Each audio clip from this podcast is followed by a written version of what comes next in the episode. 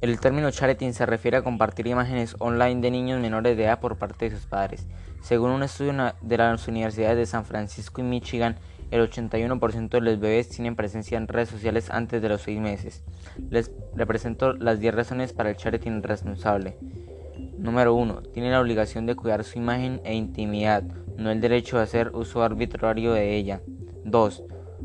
Tu hijo o hija no gana nada con la publicación de las imágenes aunque pueda que tampoco le afecte negativamente. Puede haber otro criterio válido, pero diferente sobre qué y cómo se comparte.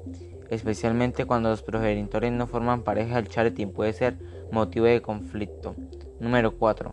Es posible que no conozcas bien cómo estás compartiendo esas imágenes. No es fácil entender y gestionar la lógica y los cambios de gestión de privacidad de las redes sociales. Número 5.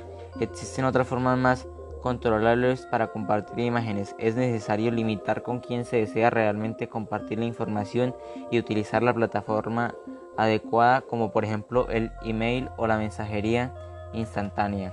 Habitualmente se comparte más información que la que se aprecia a simple vista. Una imagen inocente puede contener detalles de contexto importantes e incluso datos de geolocalización.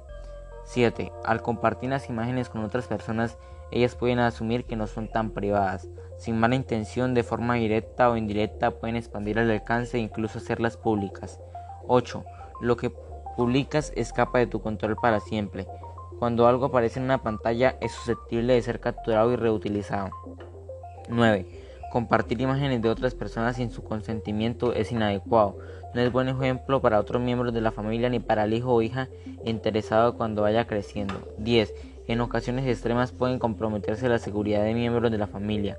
En algunos casos de ciberacoso sexual de menores, las víctimas son amenazadas con daños a hermanos menores.